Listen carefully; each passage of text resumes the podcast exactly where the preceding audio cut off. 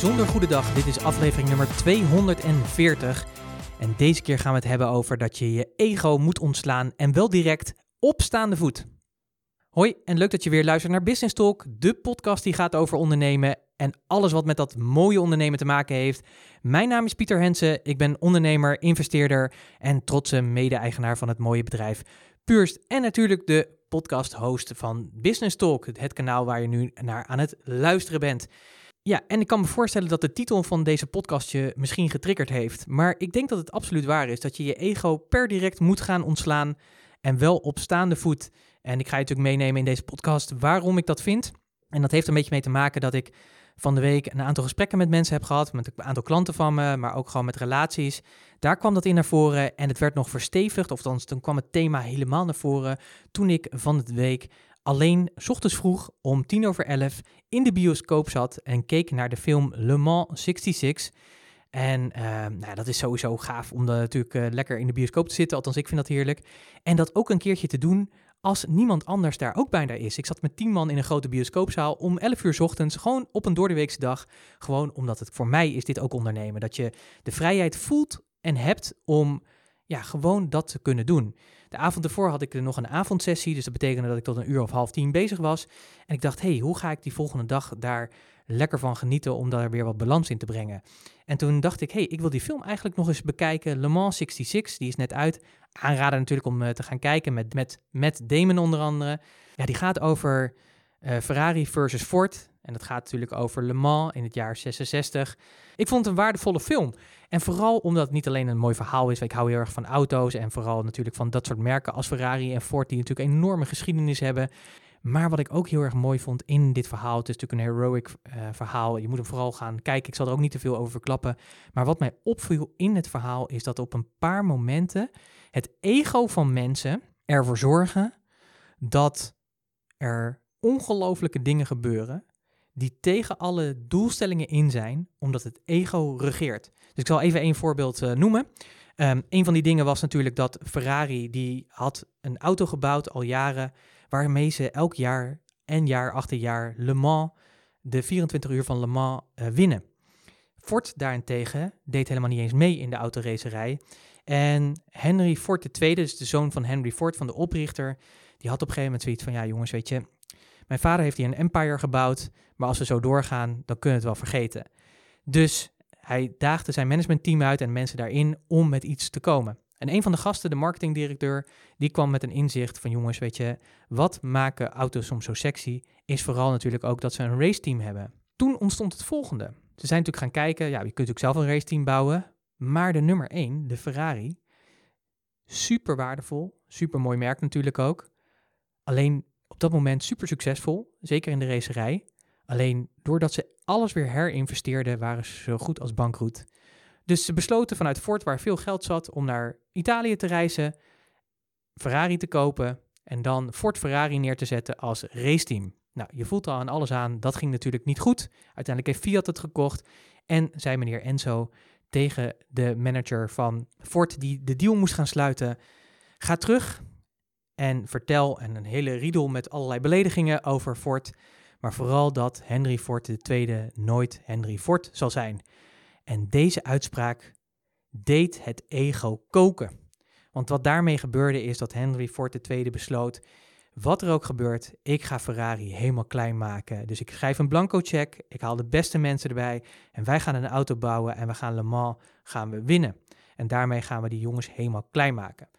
Nou, dan gebeuren nog een aantal dingen in, dat, in die film waaruit blijkt dat mensen op een pik getrapt worden en van daaruit hun ego laten, laten spreken. En dat ego, dat doet dan dingen, dat is wonderbaarlijk. En ik was erover aan nadenken, over die film natuurlijk, want ik vind het altijd interessant. Ik haalde altijd, ja, vaak zijn er gewoon lessen uit te halen, dus dat kwam met dat ego naar boven.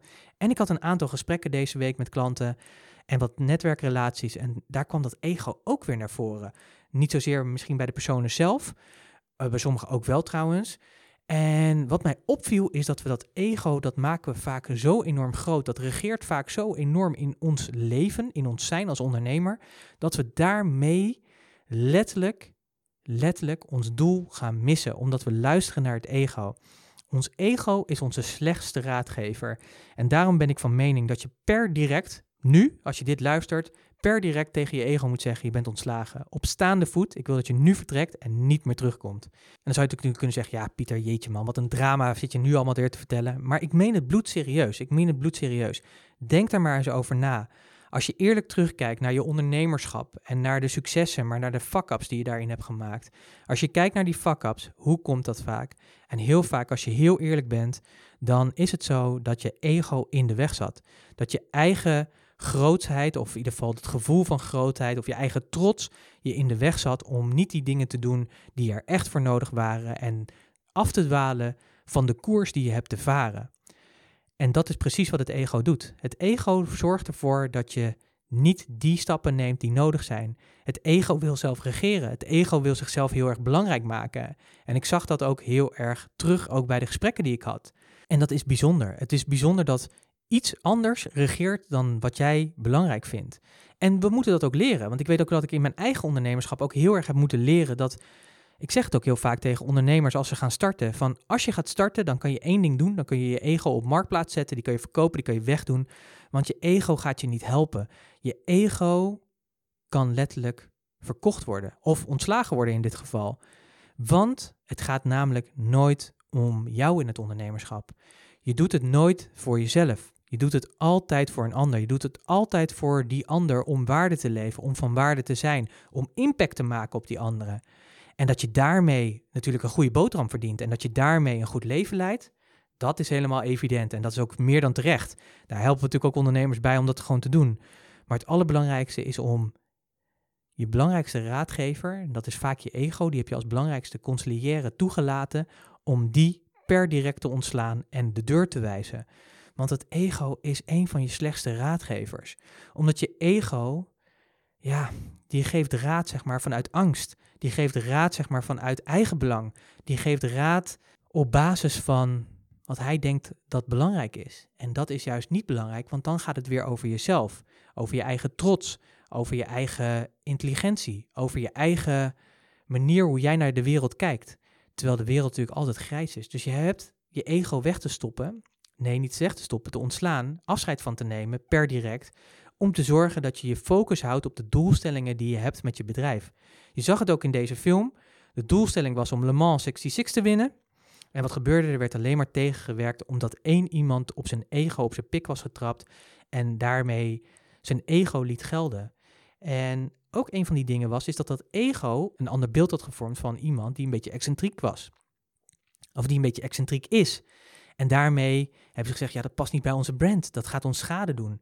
En door die persoon eruit te werken, op wat voor manier hebben ze hun eigen succes zeg maar tegengewerkt. Alleen maar ego, alleen maar haantjesgedrag. En nu zou je misschien zeggen, ja maar Pieter, weet je, ik ben helemaal geen haantje. Ik ben helemaal niet zo alfa mannetje of vrouwtje. Ik sta helemaal niet op mijn borst te kloppen. En toch, en toch ben jij het ook. Want ik zie het heel veel terug ook. Want je ego vertelt je ook allemaal verhalen die niet kloppen. En wat ik heel erg boeiend vind, ik heb daar een paar gesprekken nu ook over gevoerd afgelopen week, is dat mensen, uh, dat een aantal van mijn klanten bepaalde connecties leggen, bepaalde uh, verbindingen maken die er niet zijn. En die worden vaak gemaakt op basis van wat andere mensen zeggen. En de grap is heel vaak is dat, of de grap, eigenlijk het pijnlijke daarvan is eigenlijk, is dat ze daarmee hun ego te groot maken en te belangrijk maken. Want wat gebeurt er dan? Iemand zegt iets, iemand zegt iets. Iemand zegt bijvoorbeeld, Goh, ik vind bijvoorbeeld wat je hebt opgeleverd, het product wat je hebt opgeleverd, ehm, ben ik niet tevreden over. Weet je, dat is een duidelijk signaal. Iemand is niet tevreden. Maar wat zegt iemand nu eigenlijk? Wat zegt iemand nu eigenlijk echt? Iemand zegt: Ik ben niet tevreden over dat wat we hebben afgesproken. Maar wat gebeurt er heel vaak? En ik hoor je nu al denken: Ja, Pieter, ik snap wat er gebeurt. Want wat er gebeurt is, is dat alle ego-dingetjes die we in het verleden zijn tegengelopen, alle beschadigingen die we hebben opgelopen, is dat je ego zegt, ja, zie nou wel, je had bedacht dat je dit kon, maar je kan dit helemaal niet. Of zie je, nu val je door de mand. Weet je, nu val je door de mand. Er is eindelijk iemand die jou doorheeft dat jij dit eigenlijk helemaal niet kan. En zo ga je door in een opstapeling van dingen die helemaal niet relevant zijn. En wat je dus aan het doen bent, is dat je dus letterlijk op basis van sec woorden, die niks betekenen, die betekenen helemaal niks, want het zijn gewoon woorden, daar kun je gewoon als een buitenstaander abstract naar kijken. En wat je gaat doen is je gaat er betekenis aan geven. Je gaat er emoties aan koppelen. Je gaat er allemaal haakjes aan haken die helemaal niet eraan gehaakt moeten worden. En wat er gebeurt is, is dat je je ego voedt. En voor je het weet, doe je niet meer die dingen en ga je uit angst regeren en ga je er niet staan en ga je vooral niet vragen wat die ander nou precies daarmee bedoelt. En doe je aannames, want daar is het ego ook zo goed in. Want we zouden maar eens moeten toegeven dat we het niet goed hebben gedaan of dat we ervan kunnen leren om het beter te doen. Nee, nee, nee, nee, nee. Wij koppelen er allerlei emoties aan, allerlei dingen aan vast. En daarmee maken we het ego veel te belangrijk. Maar wat er ook gebeurt daardoor is, is dat je dus met deze ervaring, die neem je weer mee naar een volgende ervaring. Je zelfvertrouwen neemt af, et cetera, et cetera. Het heeft allemaal effecten op je business en hoe je erin staat. En dit is precies wat het ego doet. En daarom vind ik ook dat je per direct je ego moet ontslaan. En zorgen dat hij of zij geen macht meer over je heeft. En het is vernuikend. Het is echt vernuikend. Voor je het weet, ben je, laat je het ego weer regeren. En laat je je eigen, je eigen focus, dat wat je toe te voegen hebt aan deze wereld, laat je los. Omdat je ego daarop op reageert. En ook daarmee, hè, want ook in die films, Ken Miller, die, die uh, racing driver en engineer van die auto, het was een excentriekeling. Maar deze gast wist natuurlijk verdomd goed hoe die auto in elkaar zat, omdat hij hem zelf bouwde. Hij kon die auto lezen, hij kon de weg lezen. Weet je, en dat het misschien dan een excentriekeling is, maakte hem natuurlijk niet een minder waardevol persoon. Sterker nog, het was natuurlijk de meest belangrijke asset die het voor het team had. Alleen ja, dat vragen mensen niet, omdat mensen hun ego lieten regeren. En hoe vaak heb jij niet, en ik kijk ook naar mezelf, hè, want ik heb het zelf ook. Ik ben nu weer een paar keer in groepen geweest. Ik heb er eerder over verteld dat ik bij een seminar was waar Roxanne Hazes was. Je hebt allemaal oordelen erover. Het is allemaal ego. Jij beter dan die ander. Jij vergelijkend met die ander. En dat is gewoon niet waar. We zijn allemaal first class people, allemaal met een eigen, ja, met een eigen unieke verhaal, eigen unieke talenten. En als je elkaar beter leert kennen en echt leert begrijpen, dan weet je ook vaak van ja, shit man, weet je, dit zijn gewoon mooie parels. We zijn allemaal mooie parels. En daarom denk ik dat het zo belangrijk is om ervoor te besluiten dat je per direct dus je ego ontslaat om te zorgen dat je koers weer op koers komt. En dat je je niet meer laat afleiden. Dat je zegt, ja, maar dit is mijn doelstelling met mijn bedrijf. Op deze manier wil ik impact hebben. En wat er ook gebeurt, ik laat me daar niet meer door afleiden. Wat dat stemmetje ook in mijn hoofd zegt, wat anderen ook zeggen. Ik ga eerst checken wat ze ermee bedoelen. Is het wel waar wat, welke aannames ik daarop maak? Is mijn ego toch weer stiekem via een achterdeurtje binnengekomen of niet? Kortom, tijd, hoogste tijd om dat ego eruit te zetten. En ik denk als je dat doet en daar ook voor zorgt dat die achterdeur ook dicht blijft, zodat het ego niet kan meer kan regeren. Oh man, wat wordt het leven mooier. Weet je, het wordt relaxter, want je kunt meer ontspannen. Je brengt niet allerlei verbindingen met elkaar die er niet zijn op basis van woorden die iemand spreekt, wat gewoon sec woorden zijn, waar je allerlei aannames op doet. En dat geeft gewoon heel veel rust. En sterker nog, dat geeft gewoon pure focus naar daar waar je naartoe wil daar waar je wat je wil bereiken. En dat is namelijk zoveel mogelijk van jouw klanten helpen om te zorgen dat de problemen en de verlangens die zij hebben, dat, dat ze dat krijgen en dat de problemen opgelost worden. En dat je daarmee een fucking goede boterham verdient, weet je. En dat je daarmee gewoon echt het verschil kan maken. En dat kan niet als je je ego laat regeren. Zet hem eruit. Per direct. Zachte heelmeesters maken stinkende wonden. Even de bandit methode, de pleistermethode. Trek hem eruit en dan is die weg. En hou hem er ook uit. En als je merkt dat hij weer terugkomt, zet hem er ook uit. En zorg er ook om dat je ook een aantal, ja, wat zullen we zeggen, een aantal guards, een aantal bewakers hebt die jou meehelpen om te bewaken. Dus je kunt er zelf natuurlijk alert om zijn, maar je kunt natuurlijk ook je omgeving vragen van, hey, als je dit bij mij merkt, als je dit mij hoort zeggen, wil je me er dan op aanspreken? Want dat betekent dat mijn ego toch weer stiekem via een achterdeurtje naar binnen is gekomen. Want hij zal er alles aan doen om te blijven regeren. Deze manier van regeren, ga je nooit de oorlog winnen. En ik zeg niet dat het een oorlog is. Ik zeg vooral dat je niet gaat komen waar je wil zijn. Je zult niet dat succes gaan bereiken wat je wil bereiken. Je zult niet die impact gaan maken die je graag wil maken. Je zult niet het verschil gaan maken met wat je kan. Tuurlijk, je gaat het doen, maar op een kleinere schaal. Maar je bent gemaakt voor die grootsheid. Daar geloof ik heilig in. En ik denk dat jij dat ook kan met de diensten en de producten die je hebt. Dus je hebt niks anders te doen om daar dat, om je fort daarin te bewaken en te zorgen dat je mensen hebt die jou ook scherp houden op het feit dat je ego toch weer aan het regeren is. Tot zover mijn preek van de week. Dankjewel voor het luisteren. Ik ben heel erg benieuwd wat je uit deze podcast haalt, of je het herkent. Laat me dat even weten. Of dat je andere inzichten erop hebt. Vind ik ook altijd leuk om, uh, om te horen. Je kunt natuurlijk reageren in de diverse kanalen waar deze podcast uh, verschijnt. Mocht je persoonlijk willen reageren, ook van harte welkom. Support@puurs.nl. En uh, mocht je nog andere ondernemers kennen waarvan je denkt van ja, deze podcast is ook heel waardevol voor hen, want zij reageren vaak ook vanuit hun ego of het is een risico wat ze hebben waardoor ze zich zelf te klein houden, dan zou ik je willen vragen of je hen wil wijzen op deze podcast. Daarvoor natuurlijk mijn dank. En uh, als je het leuk vindt, dan zou ik zeggen, als je op de kanalen bent waar deze podcast verschijnt, bijvoorbeeld in iTunes, dan kun je natuurlijk ook een recensie achterlaten. Vind je dat leuk om te doen? Doe dat. Je kunt vijf sterren aangeven en nog een korte beschrijving. Uh, als je dat hebt gedaan, maak even een fotootje, stuur die op naar support.puurs.nl en dan heb ik iets leuks voor je als dankjewel dat jij die moeite hebt genomen.